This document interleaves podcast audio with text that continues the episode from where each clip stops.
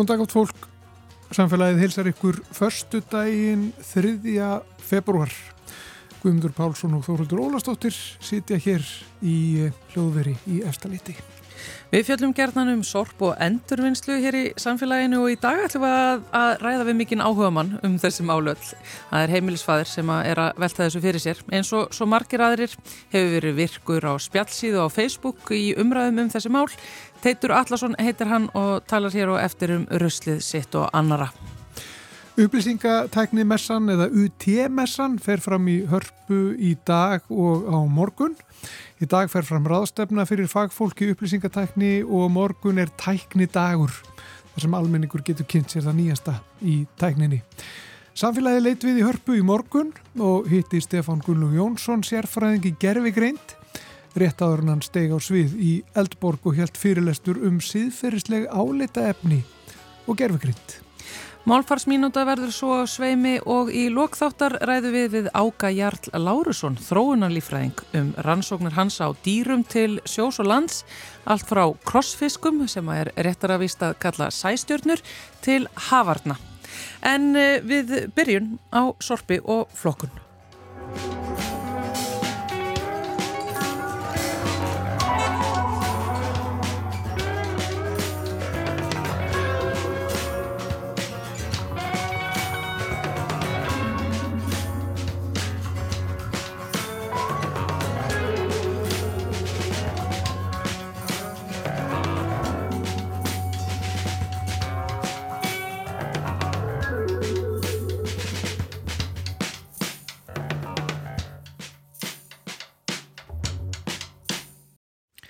Teitur Allarsson, sælurstu. Sæl. Þú ert kallaður hinga til okkur í samfélagið þar sem við tekja eftir því að þú ert mjög virkur í umræðum inn á Facebook síðan þar sem er verið að ræða endurvinnslu og umbúðir og, og sorp. Akkur hefur áhuga á þessu málum? Já, ég hef nú bara áhuga á þessu vegna þess að mér blöskrar sorp, sorpnólkunin, þetta magn sem við erum að uh, skila frá okkur í hverju viku. Ég á svona bara reg venjulegt heimili og ég held ég farið með eina stóra tunnu af plasti á viku og eina stóra tunnu af pappir á viku mm.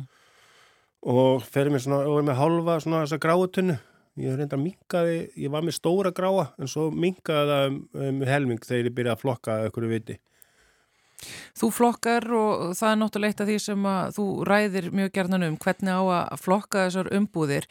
Deilurnar sko, um þennan hóp, við þennan áhuga mannahóp um, um sorpflokkun, snúast einmitt oft um það hvort eru við vandamálið eða umbúðunar. Eh, hvað finnst þér? Já, mér finnst þetta að vera bara bæði sko. Þetta er, þetta er svona vandamál sem er út um allt en uh, það er ekki verið að gera neytendum auðvelt fyrir í mörgum tilfellum eins og hefur verið bent á. Það er í þessum hópi eru 17.000 manns í þessum hópi og þetta er allt saman fólk sem, er, sem vill gera vel og vill standa sig og vill eh, hérna taka þátt í að gera heiminn betri og falleri en uh, upplýsingarnar sem við fáum eru bara svo misvísandi og skrítnar að það er svolítið erfitt að átt að segja á þessu.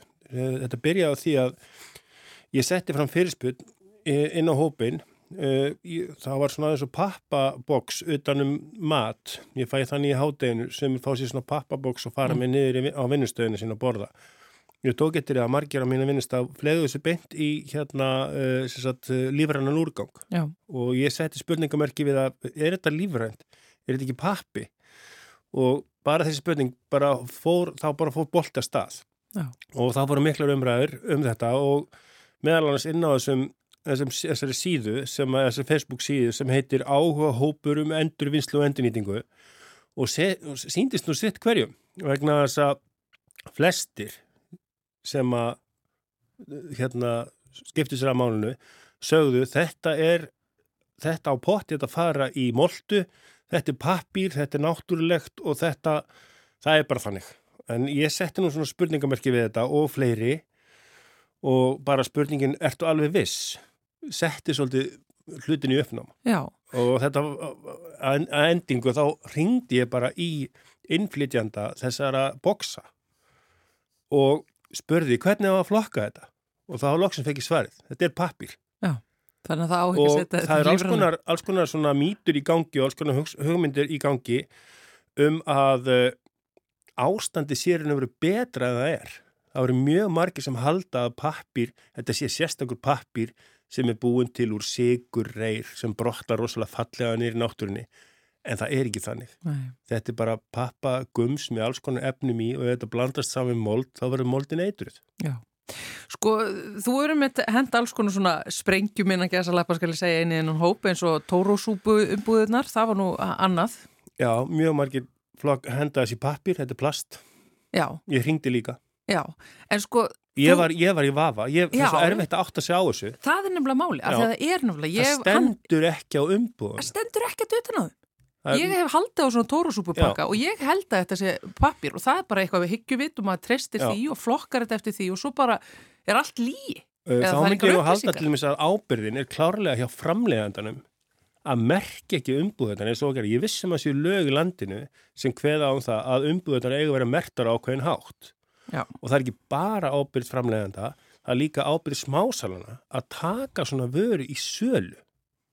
Það á Já. ekki að selja svona vöru. Ef það er einhver vafi á þau hvernig á flokkana, þá bara sleppa því að hafa hann á bóðstón. Það er mín skoðan á þessu. En ymmit af því að eins og þú ert að benda á inn í þessum hópi er áhuga fólk Já. um þessi mál. Fólk sem að leggur sér eftir því vandalega að flokka rétt og vel en það kemur í ljós meðal annars út af þessu póstur sem að þú hefur verið að setja þetta inn að við vitum ekki neitt. það komir rosalega óvart að þetta fólk sem er frábært það bara það kannski vonar að ástandi sér betra en það er Já. en það gerir ekki neitt gagn. En sko, að vona að heiminu sér betra en hann er er eins og að pissi skóin sin sko. en það að þú sért að ringja veist, eins og í Tóró og þá sem er að flytja inn þarna þessi matarpappaboks á það samt ekki þá íta við framleiðendum þessara hluta og umbúða að bara henda til okkar smá beini okkur sem að eru viljug til þess að gera setja þetta í réttan verfa og bara eitthvað, þetta er pappir Jú, auðvitað á að vera þannig. Og hérna auðvitað á að vera þannig líka að, að framlegendur þetta á að vera afskaplega skýrt hvernig ná að flokka hlutina. Og það er alls konar ruggli gangi með þetta vegna þess að dæmis með hérna snakkumbúðir sem Mm. eru e, sem eru bara vinsalvara, snakk. Já. e, mikið af snakkinu gefum frá Nóri og norðmennir eru svona merkja þetta. Og þeir merkja allt sitt plast allt, allar sinna umbúðir sem bara það er ekkert að flokka þetta sem plast. En á Íslandi flokkast þetta sem plast einhver luta vegna, ég veit ekki okkur það er. En eh, Sorpa er afskaplega skýr með þetta. Snakk á að fara í plast. En ekki í Noregi. Það eru vist til sjö tegundar af plasti þannig að við ættum að flokka plast að einhverju viti þá þyrftum við eiginlega að hafa hérna doktorskráði í, í efnafræði. Já. Eh, það veit svo til að einn félagi minn er einmitt doktor í efnafræði og hann sagði að þetta væri eiginlega útilokað vegna þess að plast er svo mismunandi og það eru mýkingarefni í þessu, það eru litarefni sem að, sem að gera raun og veru endur vinslu rosalega erfiða. Það er eiginlega eina sem hættir að gera við plast er að brenna það. Það er bara staðrind. Já. Það er alveg sama hvað okkur langar að hvernig heimurinn væri. Það væri frábært að það væri hægt að endurnýta plast. Það bara er ekki hægt. Það er að endurnýta einhverja eina tegunda plasti sem er til dæmis svona dæmigjart, það er svona mjúkt plast sem er oft utanum hérna svona þvottaefnis umbúður. Það er eins og svona, það er ekki glært, oft hvítt, hérna Ajax, hérna Já, já, já. eitthvað. sem er svona hart. Já, það, er, já, svona, það er svona mjúkt, það er svona sveigjanlegt, það, það er vist hægt að flokka, það er hægt að endurvinna það. Og rúlubakka Restin- plastið líka, eða ekki? Ég- Það hefur verið sagt. Það er ekki hert. Ég, Það er bara ég veit, ég veit Já, já. ekkert um það. Það er Já. eitthvað sem maður segir, en það er sem ég segi, ég, ég Já. hef ekkert, ekkert í höndunum með að það sé rétt. Það er alls konar, Við erum svo sem ekki að það heima hjá okkur. Nei, nei, ekki. Rúlubakaplasti kannski. Lítið en vegar þetta. sko, þetta er, hérna, en það verður fínt að bara fá þá hreint að plast er eiginlega ekki hægt að flokka, en það er hins vegar frábært að flokka plast frá öðru. Vegna þess að, að plastdrasl inn í pappagámi getur eigðilegt pappagámin fyrir frekari hérna, endurvinnslu. Pappa er hægt að vinna. Já. í liði. Þa- En því, því miður er plastið bara öðruvísi. Þú hefur líka hleyft öllu upp í þessum hópi og þá er ég að tala um þetta á góðan hátt. Þú ert að hleypa öllu, þú veist að íta undir góða Já, sem er, er- ég- gott að fá. Já, Þegar þú hérna varst með nautahaks umbúðunar og gerðir bara myndaserju um það hvernig ætti að flokka þær umbúðir. Já, fólk vissi það almennt ekki. Nei, af því að þetta er í rauninu sko, nautahakkið er í plasti en síðan er sko plastbakningin í Já, þannig er dæmi um það að, að hérna, framlegandin er að virkilega reyna að standa sig. Hann segist að hafa minkað plastnótkun á sínum umbuðum um 88%. Já, hann voru plastbakkar fyrir. Já, það voru plastbakkar já. Mhm. fyrir. Nú eru konið svona einhver pappabakkar, gott og vel.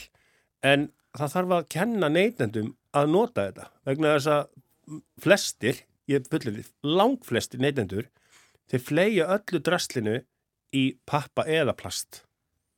Þeir fatta ekki að, skil, að aðskilja umbúðunar. það er að fletta þessi sundur Það er flettið sér sundur. Já. Þetta er pappír eins og þú sýnir hér já, og plast. Það þarf að, það bara að leiða fólki í gegnum þetta. Og hérna, það sem var frábært við þetta hérna, kjöt, kjötmál, hérna, umbúða, umbúðamáli, að fólk var bara, já, áttu að vera svona. Frábært. Ég vissi þetta ekki. Já. Þannig er ég, húsfæður í Vesturbænum, að kenna, hérna, að, að, að taka með verk fyrir kjötfræmlendur og fyrir krónuna og fyrir bónus. Þau eiga að gera þetta. Ég ætti kannski að senda þeim reikning. Laf, bara rukkaði fyrir þetta. Þarna, er, þarna er, hérna, eru vestalendar að klikka. Þarna er líka hérna, framlegandinn að klikka. Þau eiga að sjá um þetta. Ekki ég. nei og það er að gera neytendur mjög erfitt fyrir Það er þetta, þeir geta bara drullast til þess að kaupa auðlýsingu í sjómarpið þar sem sína hvernig ná að gera þetta. við erum skilin eftir með bara vandi Nákvæmlega. Hvað á að þessar, gera? Hvað á að gera? Já, stöndum yfir stöndum, veist, allar þessar mínútur sem að fara á dag hjá fólki í það að standa yfir flokkunadöllunum og vita bara Já. "Heyrðu, hvert á ég að setja þetta Svo er líka þetta að ringja, eins og þú gerir. Já. Já, ég, ég hef Þá er gert það. spurningin einmitt, eins og þú segir, hvar liggur ábyrðin? Og svo er kannski versta varan Hvenar á fólk öllum. bara að axla ábyrð sjálft og, einmitt ringja síntalið þegar það er í vafa, Já, til dæmis. en svo er versta, ég voru að koma hérna með vestu vöruna, það er hérna Pringles snakkið. Alræmt. Ég, ég Já, og það er kallað uh, Recycle Nightmare. Það er ekki hægt að flokka Það er ekki hægt að flokka þetta. Þetta er sagt úr þremur eða fjórum tegundum. Þetta er plast, það er plastlokk, það er, það er hérna pappa uh, hólkur og inn í pappa hólkum er búið að bræða saman svona einhverja álþinnu. Og svo er að- álbott Svo er einhver álbotn. Þetta er hryllingur. Og það sem ég er bara, það sem að mér var svo ánægilegt að sjá með til dæmis umræðunar um þetta Pringles, að fólk er almennt bara að sneiða framjá þessari vöru. Sem er náttúrulega bara best. En hins að það væri ennþá betra ef að búðirnar, bónus, krónan, nettan og hvað þetta heitir, hættu að hafa hann á bóðstun. Já, það er Þá ekki rétt að bjóða neytendum upp á þetta rugg. Við seljum þá bara vörur sem er Sem er er að einfalt að flokka flokka. og útskýring og stendur skýrta og flokkist sem þetta punktur. Pappír. fletta þessu sundur hér, svona gerir þú það? En má þetta ekki vera smá vesen? Er það ekki allt í lagi? Megum við ekki hafa fyrir hlutunum? Við þurfum að Sko, hafa fyrir ímsu í lífinu. Er ekki alltaf að hafa fyrir því taka, taka sko. örfár mínútur í það að daga flokkar rétt? Fullt af fólki nennir þess ekki. Og líka þetta eðilegur fyrir flokkur. Þetta ykkur í flokkuninni. Já. Sko, ég held að Ég hérna... þarf að gangi innan hóp og fara að rífast í teitt. Þú Ég ert sé að það gera núna. Já, Það er rosa alltaf, gaman. en a, e, ég aftur, það er bara svo ánægilegt að fólk sé að leggja sig eftir þessu eins flókið umhverju og er að koma í ljós náttúrulega og þetta er, bæði náttúrulega í spjallinu við þig og þegar við höfum verið að taka ruslarabið hérna í, í samfélaginu, að því að Einmitt. fólk bara veit ekki hvernig á að flokka og það er einmitt, hversu mikið er við neytendur að sakast og hversu mikið er bara við þá sem að framleiða og hana allar þessar umbúðir. Eh, við erum hverginar búin með þessu umræðu hér í samfélaginu. Þetta verður eh, áframhaldandi eh, mjög lengi virðist vera. Teitur Allarsson, takk hérlega fyrir komuna til okkar. Takk fyrir.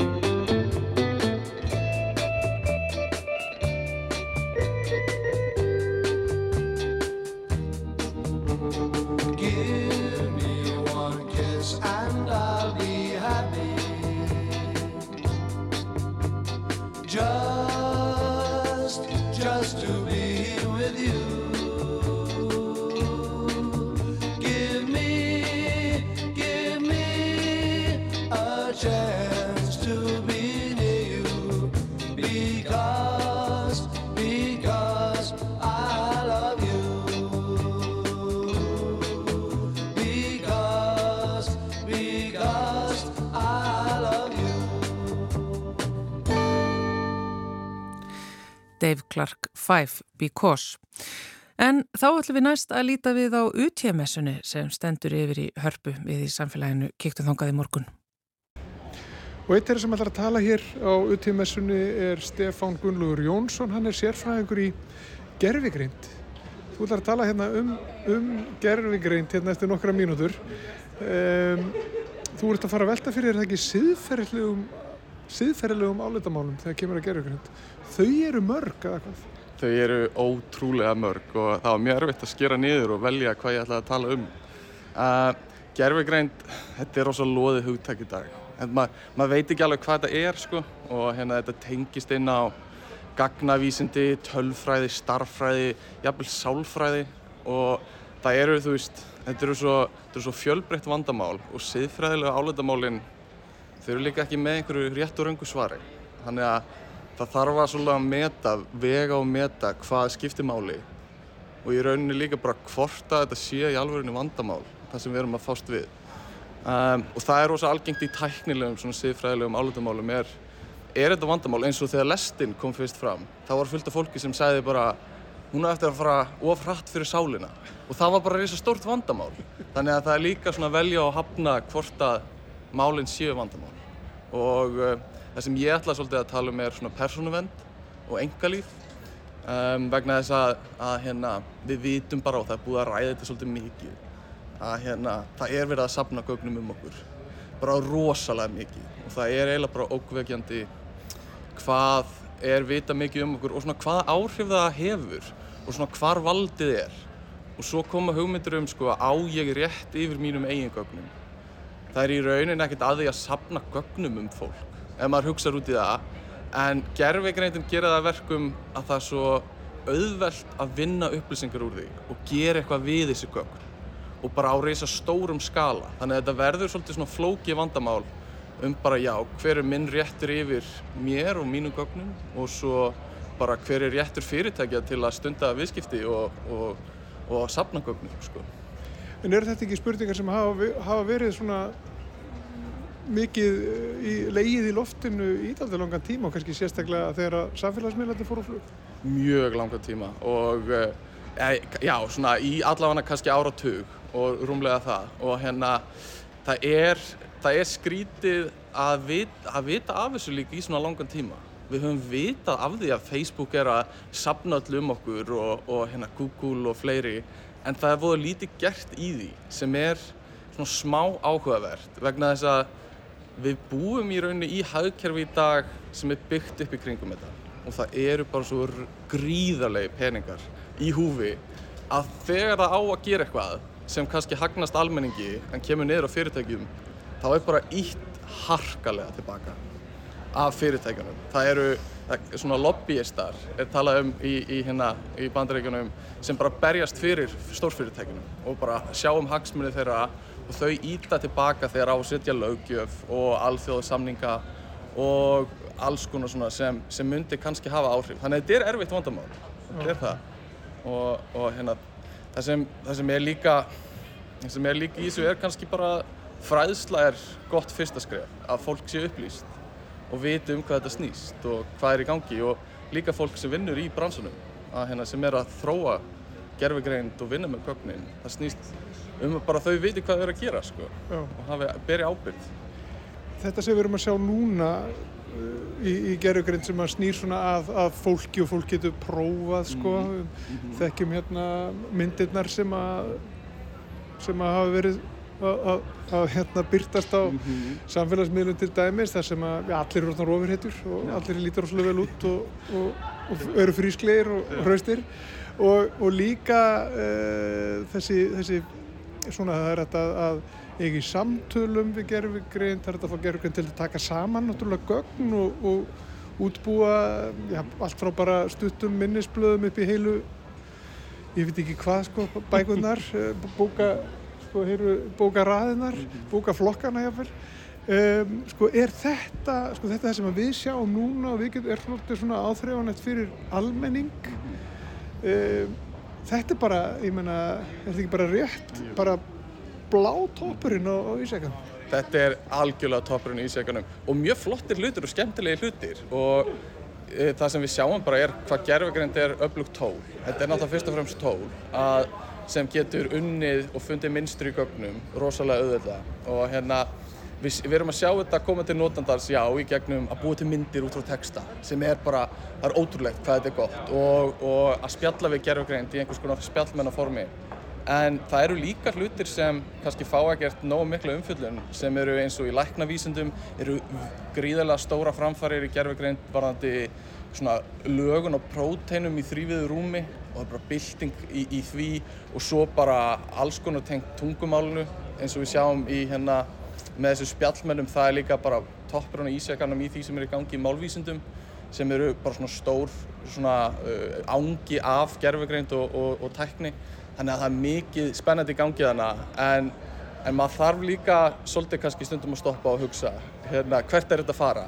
Af því nú erum við komin svolítið í vanda með uh, eins og eins og myndirnar sem eru búin til að gerfa grein að það eru komin upp alls konar lögumál í gangi kringum það um höfundarétt og, og hvaðan kemur koma myndirnar sem gerfa grein hefur lært af og er það hluti af höfundarétti að, að það má ekki nota í gerfa grein eða er það í lægi og það eru bara lögmál í gangi núna uh, og við vitum eiginlega ekki hvernig það fer af því það ábæður eftir að bara mappa þetta svið og bara sjá hvað er rétt og hvað er rátt þannig við stöndum eiginlega bara á byrjunarreit sko.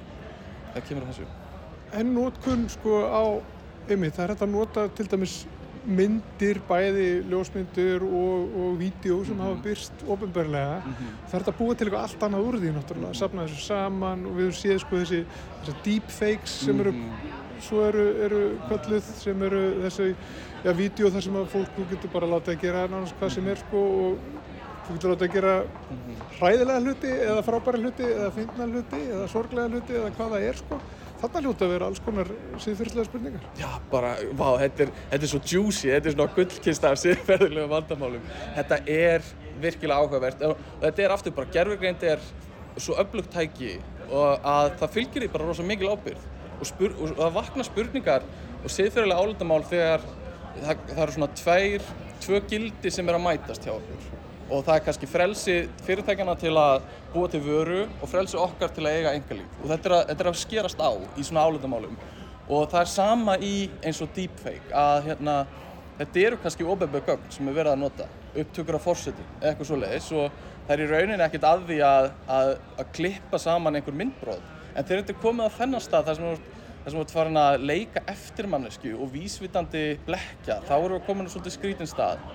Og þetta hefur verið notað í, í hérna, bara nýlega, mjög nýlega kom upp stórt mál varandi deepfake þar sem þú tekur andlit á mannesku og setur á líka með annara mannesku með gerfugrind og gerfugrind er mjög góð í þessu. Í sko, í svona klámiðnaði sem er alveg bara, það er það hræðilegasta sem mann dettur í hug að þú sérð allt í einu myndbanda sjálfur í einhverju svona kynlífsatöfnum sem þú tókst engan þátt í. Og það er búið að einhvern veginn kyn gera þig og hlut gera þig mjög mikið á þess að þú fáir röndu við reist. Þannig að það verða mjög erfið atvik þannig og það sem er líka áhugavert tengdu þessu er þegar það er farið að breyta röddunum í fólki. Og, og þá gæti ég tekið hjá þér Guðmundur bara allar upptökur sem eru til á þér. Ég þarf bara að brota þeim og búið margar, til, eru já margar. það eru margar. Það verður ekki erfitt fyrir mig. Og búið til þína rödd bara alveg eins og það er ekki erfitt. Og ég get látið þið segja hvað sem er. Og bara ég get hringt í konuna þína og sagt bara, heyrðu ástum mín, ég kem ekki heim í kvöld, skilur ég ætla að fara að veiða með strákurum eða eitthvað. Og, og hérna þannig að, að þá finnst mér rosa áhugaverða spurningar um hver er sko hver er réttur okkar til að eiga okkar eigin rödd. Þetta er eins og fingrafærið okkar, skilur það er í rauninni engar raddir eins eða mjög fáar. Þannig að svona hver er, hvað er ég og hvað rétt hef ég yfir því sem ég er í rauninni þannig að þetta, er, þetta verða mjög áhugaverða spurningar í framtíðinni En hvar eru við sko í þessar umræðu? Eru við, eru, er þessi umræða í gangi eða er þetta bara svona menn eins og þú svona sem eru að velta þessu fyrir sér á ráðstefnum? Ég held að hún sé, ég held að hún sé svona frekar uh, ung, bara satt best að segja. Ég held líka bara að við vitum ekki alveg hvert potensialið er í mikið af þessu teknum. Sérstaklega bara að búa til myndir út frá texta með hjálp gerðugreindar. Það vissi enginn að þetta væri hægt fyrir bara fyrir hálfu ári. Þannig að það er ekkert endilega möguleiki að hafa þroska þessu umræða einhverju viti. Og ég held að núna erum við svolítið bara að sjá hvað getur gerst og reyna að finna út hvað eru alvöru vandamál og hvað eru kannski vandamál sem við þurfum ekki að einbytta okkur að. Þannig að mjög snemma í þessu ferli myndi ég að segja núna sko. Og, og bara, bara ég held að þetta verði mjög spennandi í framtíðinni að ræða þetta meira sko og sjá hvert það fer. Og tækni og siðfræði mun alltaf eiga saman sko, alltaf. Já. E, sko, erum við búin að afgræða, þú veist, bara þó, sko, samfélagsmiðlana og, og internetið, bara grunnhugmyndina um internetið einhvern veginn og bara grundvallar atriðum þar, er við, okkur hefur eiginlega ekki tekist einu svona afgræða það, eða hvað? Nei, í rauninni ekki. Ég held að þetta sé líka, þetta er svolítið eins og að reyna að halda utanum vindin eða eitthvað, hann breytist bara ofrætt, sko. Þetta er bara, það um leiðu heldur þú sért komið með einhvern skilning á tækninni, þá erum komin eitthvað allt annað og bara internetið er þannig líka að, að við vorum búin að byggja upp einhvern infrastruktúr árið 2010 fyrir einhvað internet sem við heldum að væri og svo bara, bara þróaðist þetta og þróaðist þetta í einhverja allt aðra átt, sko. Og snjallsímar komu og okkur dætti ekkert í huga að snjallsímar eru svona stórir fyrir bara 2010 kannski. Þannig að, þannig að þetta er bara, það er það sem er spennandi líka við þetta, er hvað þetta er praktíst og hvað vandamálinn einhvern veginn gerast í rauntíma og við erum bara að finna út af þeim núna. Þannig að, að það er fullt af hlutum sem við náðum ekki eins og að díla við, eins og þú segir, bara internetið. Það er ennþá bara mjög erfitt að ná utan um það, sko. Bara með hvað er rétt og hvað er rámt, sko. En sko, við erum núna á þessum byrjunarreit við töluðum aðan, sko, við erum rétt að sjá hérna blátoppinn á, á ísjakanum og svo, svo er framtíðin, það mun leiða það í ljós hver- hvert þessi tækni leiðir okkur, en, en e, væntalega erum við að fara að sjá fram á, á e, það að, gerðugrindur eru notuð í ríkari mæli til þess að bara draga álíktanir, taka ákvarðanir, uh, breyta reglum jafnvel, um, uh, jafnvel ef við tökum til dæmis lögfræði og dómsmál og þess að þá getur gerfigrindi komið meira þar inn og þá getur mann spurt sig sko en mennskan skiptir hún ekki máli og mannúð? Eh, erum við, erum við einhvern veginn að fara að sigla inn í einhverja tíma þar sem allt verður bara í mjög svona þröngum einhverjum uh, kössum einhvern veginn eða, eða verður rými fyrir skapandi hugsun, Og mannúð og, og þess að þar. Já, þetta er, þetta er mjög áhugavert það sem við vart að tala um með lögmálinn, sko, eða semst, lagasetningar og, og, og túlkun á dómum og alls konar svoleiðis.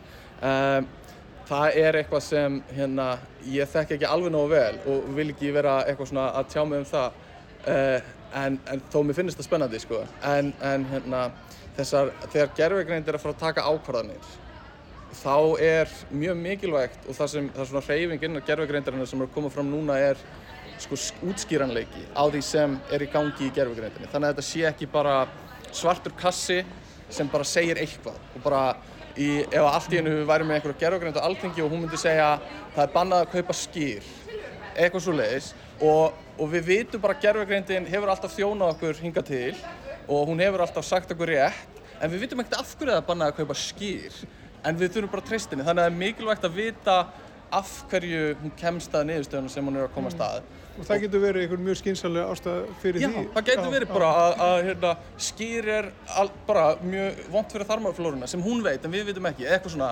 Uh, en við þurfum að vita af hverju það er. Og það er bara ekkert hlaupið að því endilega að útskýra ákvarðanir gerðugreindar af því þetta er svo, þetta er svo mikil bara svona starffræði sem mannsheilin er ekki hannaður til að átta sig á.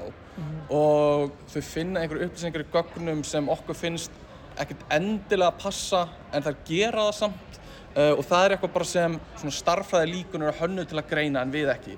Þannig að það er mikilvægt í framtíðinni þegar gerfugreindir eru farin að taka ákvarðanir að við getum rakið af hverju ákvarðanir voru teknar og það þarf bara að leggja áherslu á það í hönnun og það er partur af siðfræði tengri gerfugreind er einmitt að passa upp á þetta.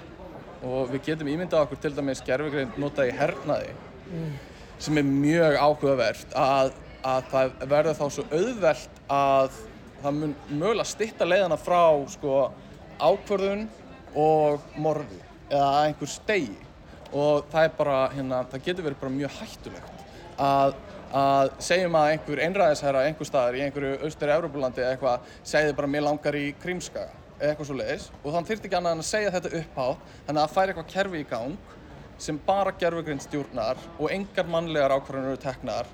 Og þá eru gerfugrindir að ákveða hver á að deyja og, og velja svona á hafna um hvað er nöðsynlegt og eitthvað svona og við erum ekki komin á hana staða núna en það má alveg sjá þetta fyrir í framtíðinni. Drónar eru núna rosa góðir í að velja svona stórskotmork eins og skip eða her, her hérna einhverju svona byrgi og eitthvað svoleiðis en það má alveg sjá fyrir þetta að fara á sko fótgönguliða sko. Það gæti alveg gerst. Þannig að við þurfum að, við þurfum, það er margt að hugsa um sko Já. og þetta er, við viljum ekki gera of auðvelt fyrir fólk að, að byrja stríð og hérna hefja það. Einmitt. Um, fyrst við erum komin svona djúft og við erum Mhm. farið að tala svona hræðilega hluti sko. Eh, það, er, það er líka sko, eins og þau eru út með já, ef að koma hér sjálfkerrandi bílar og, og, og þess að Mhm. sko, þá getur gerðurinn þurft að fara að taka ákvarðanir sko, hvort þú er að keira á veggin eða manneskjuna eða þetta eru erfiðar ákvarðanir fyrir, fyrir mannfólk að taka að mista kosti. Þetta er, þetta er bara mjög góðu punktur og þetta er svona það helsta sem er rætt tengdri, tengdum sko sjálfkynandi bílum. Uh, það er talað um það sko í innan sviðsins í gerfugreind að þetta er ekki endilega fókusinn sem skiptir máli. Þessi, þetta, þetta er kallað trolley problem oft, það er að velja á milli þess að drepa fáa eða, eða drepa marga og, eða hver skiptir meira máli, hvaða líf skiptir meira máli, svona vega og meta einhvern veginn gildi lífs og það er svona, það er ekkert endilega víst að þetta séu vandamál sem verða oft hæklu. Að hérna, gerfigreind í sjálfkjörandi bílum það verður hægt að bara að forrita umferðarregluna freka vel og hafa freka skilgreint hvað á að gera hverju sinni. En að það verður ekki endilega vandamálið um, en það eru önnur mjög áhugaverð vandamál tengdu sjálfgerandi bílum eins og uh, bara hérna, þetta snýst þá meira kannski um eigingirni og samfélagslega ábyrgð hversu hratt þú keirir eins og í dag þá keirum við manneskjörnur oft svolítið sjálfselst bara aðeins hraðar en við megum. Uh, á kostna þess að það er meiri áhætta fyrir aðra og þá, þú veist, hvernig transleitum við þetta yfir í gerfegreindar bílana, sjálfkerrandi bíla? Er, er, einhver, er einhver möguleiki fyrir þá til að taka sjálfselskar ákvarðanir og, og, og hva, hversu, svona, hversu samfélagslega þengjandi eiga bílun er að vera og, og það er svona Og hver á að setja reglunar og verða þær alþjóðlegar og er allir til í þetta og svo framvegis. 100% þannig að e, já, við þurfum, við þurfum að velja einhverja eina mannesku til að setja reglunar fyrir bílana. Nei, nei, og hérna Eða gerfugrind. eða gerfugrind, já, bara finna einhverja gerfugrind til að velja þetta. E, nei, en það eru bara góða spurningar sko. Og hérna, ég hlakka til ef að sjálfgerðandi bílar koma einhvern tíman en við þurfum að býða í nokkur ári viðbútt til því Já. Ég ætla að fara að leipa þér hérna inn í eldborgarsalhörpu þar sem þú ert að fara að halda fyrirlestur um síðferðislega áleitamál uh, í tegnslu við gerfugrind. Stefán Gullur Jónsson, já, sérfræðingur í gerfugrind. Gaman að spjalla við þig, takk fyrir þetta. Takk fyrir það, takk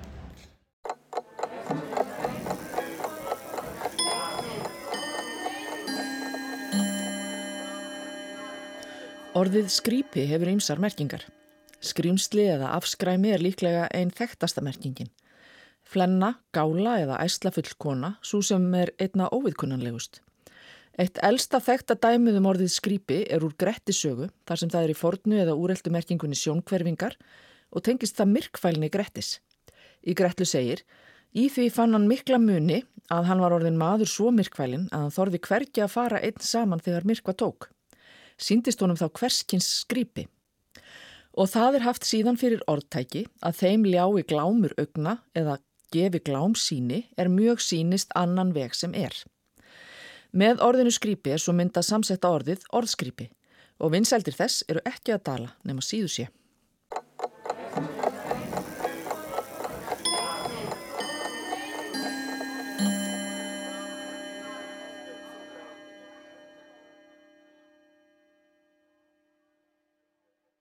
Og þá komið að dýraspjallinu, svo kallað hérna hjá okkur í samfélaginu, dýraspjalli sem er ekkert endilega alltaf um dýr, er aðalega bara við að kalla til okkar náttúravísinda fólk viðsvegar að eh, hér á landi til þess að forvitnast um það sem þau eru að gera og starfa við og rannsaka og vita, að því að það er nú aldilis margt og mikið. Hann er sestur hérna hjá okkur á þessu sinni Áki Jarl Lárusson. Hann er eh, doktor í þróunalífræði og eh, sinni rannsóknstörfum hjá Líf- og Ungverðisvísindastofnun. Sælverst Áki Jarl. Blessu og sæl, takk fyrir að bjóða mér. Já, það er eh, sko þín sérhæfing sem að strax greip mig. Sérfræðingur í skrápdýrum er eitt af því sem að þú ert með á svona þínu, þinni ferelskrá. Já, ég, allavega, ég skrifaði doktorsveitgerðina um Ívilker í Kyrrahafinu og hef einbínt aldrei mikið á skrápdýr sem alveg bara sérstaklega skemmtilegur hópur dýra og en hef nú skammast yfir í, í margar annars konar rannsóknir bæði með ryggdýr og ryggleysingja og jafnvel plöntur Já. Uh, þannig að sem þróuna líffræðingur sko þá leifir mér ofta að fara yfir nokkur jæna, nokkur svið Já, já, það er náttúrulega eitt af þeir sem að fylgir eh, já, þessari sérhafingu og, og því sem að þú eru sinn. En sko, mér langaði svolítið til þess að fá þig til þess að segja okkur frá einu, já, dýri sem að ég hefur átt þinn huga svolítið mikið og það er ekki ígulkerið. Nei, reyndar ekki. Þetta er, hérna, þetta er aldrei skemmtileg tegund hérna og eitt af því sem er svona nýlegt með þessar tegund, þetta er sæstjarnar að nafninu Akanthaster. Sæstjarnar er líka það sem að sko margir þekkja sem krossfiskur. Krossfiskur, alveg rétt. Já, þú velur að kalla þetta sæstjarnar? Já, ég, náttúrulega það er, er kannski svona aðeins eldri hefð að kalla þetta krossfiskur, kannski svona frekari þískri hefð að kalla næra allt í sjónum fisk, en mm -hmm. hérna Hérna, það er nú ekki svo mikið nýra að, að kalla þetta sæstjörnu og það er kannski svona aðeins líffræðilegra réttar og svona passar betur við uh, það, svona, það tungumál sem ég vil beita fyrir þegar kemur að lýsingum á, á, á dýrónum að, veist, kalla ekki allt fiska. Já, já, og það eru líka bara fagurfræðilegar ástæður þarna bakviða þegar sæstjarnar er afskaplega virðulegt heiti. Já, er það ekki? Mjög tegnalegt En það er ákveðin sæstjarnar sem að þú hefur verið að skoða sérstaklega. Já, þannig að ég er búin að vera að fylgjast með spentur hérna nýlegum fréttum þar sem ný tegund af sæstjarnu var líst bara núna fyrir mánuðu síðan og þetta er ein ný þyrni kórunu sæstjarnar Þetta eru bara mjög merkileg dýr sem eru aðalega þá í hitabeltinu í kringum Kirrahafið og Indlandshaf. Og þessar þyrnikórunur þær eru sérstaklega merkilegar af því að meðan flestar sæstjórnur eru með fimm arma þá geta þessar þyrnikórunur verið með allt upp í 23 arma. Wow. og þær eru allsettar brottum, uh, há eitruðum og geta verið aldrei vígalegar ásýndum og sérstaklega jæna, hafa þær verið jæna, já, taldat aldrei skæðar af því að þær, ekki náma það séu eitraðar, heldur borða þær kórala. Borða kórala? Það er borða kórala, sem Sus. sagt, allavega það er, það er einn tegund sem gera það ekki, þannig að ja. við skulum ekki hérna vera að setja á... Áfellast allara? Einmitt, einmitt, en hérna það er einn tegund þá sem er núna nýbúið að skipta upp í nokkrar sem leggst á kórala og á 7. og 8. áratögnum var þetta tekist á við að reyna að halda stopninum uh, litlum á vissum, á vissum stöðum sko, til að vernda kóralana og þetta er ennþá stefna hjá sumum fylgjum í, í kringum hérna, hittabeltin og verður alltaf meira og meira ádeild stefna sko, að, að reyna að losa kóralrifin undan þessum sæstjörnum og þá með því að reyna að drepa þær Jæna, þetta gekk ekki vel til að byrja með því að eitt sem sæsitnur eru virkilega góðar í að gera er að, að, jæna, að, að gróa sár. Já, auðvitað. Þannig að eitt sem var gert til að byrja með var að reyna bara að veiða þær upp í bát, hakka þær í sundur og henda þeim aftur út en það leti til þess að oft var að margfalda stopnin með því að breyta einni sæstjörnu í fimm. Nei, Hann, er þetta bara svona eins og vísendaskálsögunum? Þetta er nefnilega, það eru merkilegar í hvað það geta lifað af og myndað eftir svona hérna, mikla limlestingu. Wow. Þannig að hérna, þessi dýrir geta þóla margt og mikið en, jæna, en þær, já, þær borða kórala en það er aldrei ádelt núna hvort að sé eins mikilvægt að vera takast á við já, rándýr á kóralrif þegar loflasbreytingar og súrnum sjáar er að hafa frekar viðáttum mikil áhrif almennt séð á kóralana mm -hmm. og svona hvað er best að setja orkuna, hvort að sé að, jæna, fara í það að slátra fleiri stopnum eða hvort að sé að reyna að takast á við uh, kannski bara halda annari, öðru dýri frá kóralrifanum frekar, sérstaklega eh, mannskeppnunni. En... Það er nefnilega svolítið, þetta er, þetta er kannski lýsandi fyrir svona, svona tólliverans tvískinung hjá manninum. Já, já, en það er náttúrulega sérfræðingar sem er að einblýna á eitthvað eitt koralrif sjá kannski allt ínu fjölgar stopnunum af, af sæsluðunum og er borðan og þannig að það er bara passa upp á það að það gerist ekki en þegar þetta verður svona að langvarandi stefnu eins og hefur gerst stundum það sem er bara svona að það er bara það, er það sem maður gerir að fara og, og slátra nokkrum sæstjötnum til að passa upp á kóralana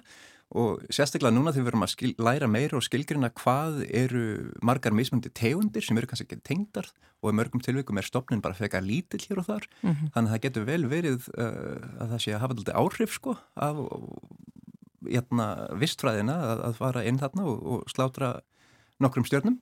En jæna að það er nefnilega eitt sem þær geta, eitt gott sem þær geta hugsanlega leitt af sér er að þær eru ekki hérna já þær eru matvandar þegar kemur að kórulum, þær borða ekki hvaða kórul sem er. Og það hefur sínst að þær leggjast aðlega í þær tegundur af kórulum sem vaksa sem hraðast Þannig að eh, það er tilgáta þarna að þegar það er svona gott jafna í visskerfinu að þá eru þessar sæstunir virkilega góðar í að halda þeim allra hraðvaksandasti, að, já, að, að þeim hraðvaksnasta kóral í skefjum svo að þeir sem eru hæfvaksnari og, og svona kannski víðáttu meiri hafi tækifæri að breyða úr sér. Já. Þannig að það eru náttúrulega mikilvægur partur af, af kerfi sem við lærum alltaf meira og meira um og náttúrulega svona stopnar og tegundir, þetta getur verið alltaf gruggutt sundum að draga þessa línur. Og þess vegna þetta er einn ástæð fyrir því að mér finnst alltaf spennandi að þessar nýja rannsóknir sem eru komið út sem eru bæði jæna, samansettar úr jæna, sveipgerðargögnum sem sagt að mæla, brotta og, og, greipla lögun á þessum sætýrum og litabrygðum og annað og að skoða ræðgreiningar frá úr erðamenginu og svo sérstaklega í kvatberunum Þannig að það er að blanda saman mörgum mismöndi aðferðum til þess að skilgjana þessar tegundir. Og það sem var einu svona einn tegund yfir allt Kirrahafið og Endlandshaf Já. er núna allavega fjóra tegundir og hugsanlega fleiri. Og þetta gerist mjög oft í sérstaklega þegar kemur að hryggleysingum þegar við byrjum að rína betur inn í samspil erðamengjar og, og, og svipgerðar þá sjáum við alltaf meir og meiri ástæðar til þess að endurhugsa fyriröndi skilgreiningar. Já, ymmit. Þróunarsagan er einhvern veginn alltaf að neða okkur til þess að skoða okkur aftur og aftur. Einmitt. Það, það eina sem er óbreytilegt er breytileikin. Já, nefnitt. Frábært að vera þróunarlífræðingur í, í slíku árferði að það, það er eitthvað nýtt okkur meinast að degi. Alveg, alveg, alveg rétt og í öllum náttúru vísundum sko, það, eitt af því vestus sem ég hef heyrt var einhver sem myndist á að það er bara það er svo mikið vita nú þegar það er eitthvað eftir til að rannsaka. Og ég minn eini, það er, Ó, það er óendanlegt já, já. hvað er eftir að rannsaka því meira og meira sem maður veit, því meira veit maður hvað maður veit ekkert. Já. þannig að það er bara alltaf eins mikið og við skiljum og getum séð sem er alveg ótrúlegt nú til dags hvað við höfum mikið upplýsingum. Og þá bara veit maður alltaf meira og meira hvað meira eftir að gera og hvað meira eftir að skilja. Þannig að bara hvetja alla sem hugsa þannig að bara endilega kynna, kynna sér fögin frekar og, og finna það sem er eftir að virkilega rýna í. Já, en sko Ágíjar, af því að þú ert þessi skráptýra sérfræðingur og, og, og einmitt þekkir ígulker og öll þessi já, skrítnustu dýrhafsins allir nú að segja, þá er aðteklisvert að þú hefur, já þú hefur komið upp á yfirborðið eftir að þú fluttir til Íslands er það ekki, þú ert búin að búa lengi út í bandaríkunum en ert uh, komið til Íslands og farin að huga öðru Já, ég, þetta er einmitt eitt af því skemmtilegast að vera hérna, þrónarlífrængur er að það, allt líf þróast þannig að það er hægt að skoða margt og mikið og ég fekk það frábæra tækifæri að vinna við háskólu núna með Snæbjörni Pálssoni að, að skoða bæði hinn íslenska og evróska haförn þannig að Halja Ítus Albacilla Þetta er eh, tignalegur fuggl sem er hér á landi og á Grænlandi og á Nóri og mest allar vest að Evrópu mm -hmm. og tengi sér alveg austur, hérna, austur til Asíu.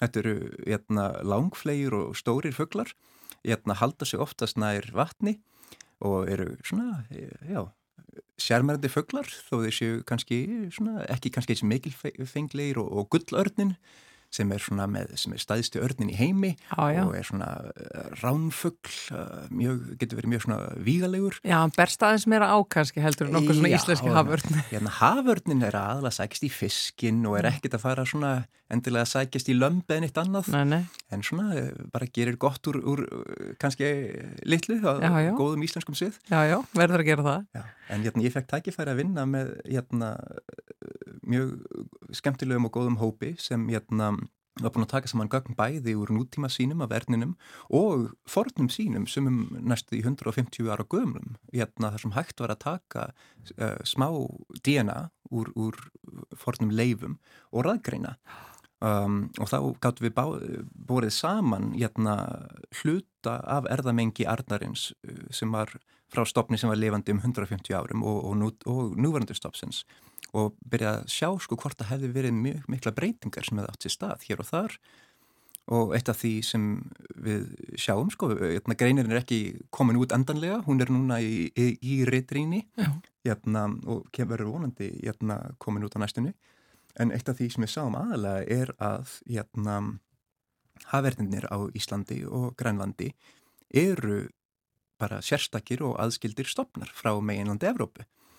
Hérna, og það gerðist náttúrulega á byrjun 2000 aldar þegar hérna, yðnaðbilt átt sér stað að hérna, margir hafarnarstofnar letu undan bæði vegna ásóknana hérna, og vegna mengunar sem átt sér stað. Þannig að hérna, við vitum að stofnin hefur fallið síðustu, síðustu 100 árin allavega, 100-200 árin og í, til dæmis í Danmörku þá, og í Breitlandi uh, útrundistofnin algjörlega. Já.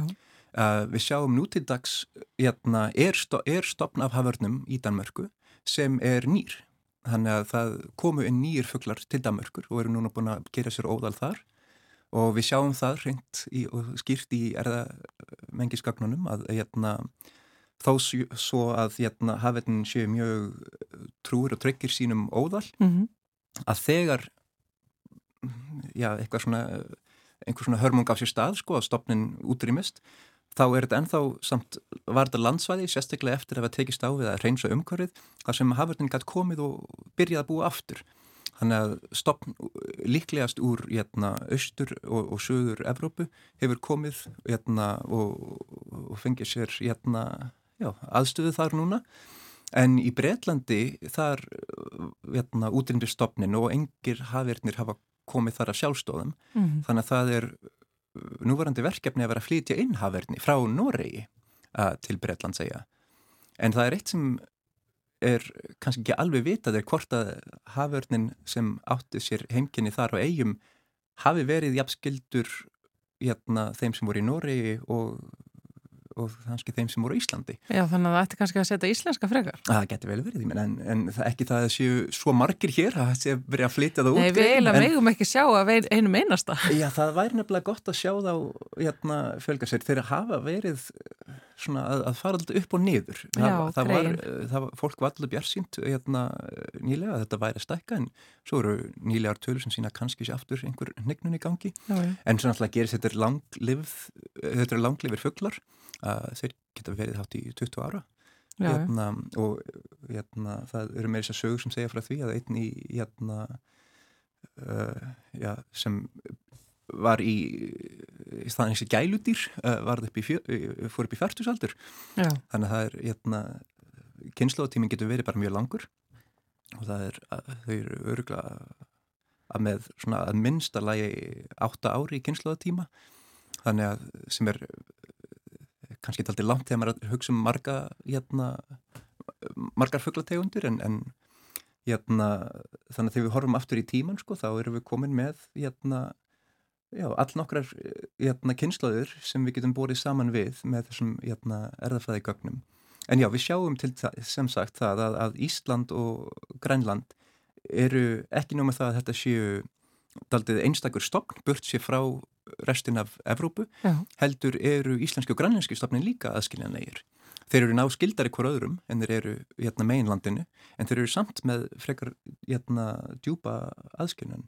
Þannig að í rauninni sem að gera þá íslenska hafurtunum okkar, ef hann var ekki nógu sérstakur fyrir, þá er hann alveg sérstaklega sérstakur af því að hann er, hann er einstakur. Og að því við vorum að tala um sko tegundaskilirði og, skilgreiningar og, og, og svoleiðist, þá náttúrulega þetta, þetta fer náttúrulega fram og tilbaka ofta því það var tegund sem hétt Haleitus Granlandicus. Það var tegund af hafverðni sem var bara skilgrind við Grænland.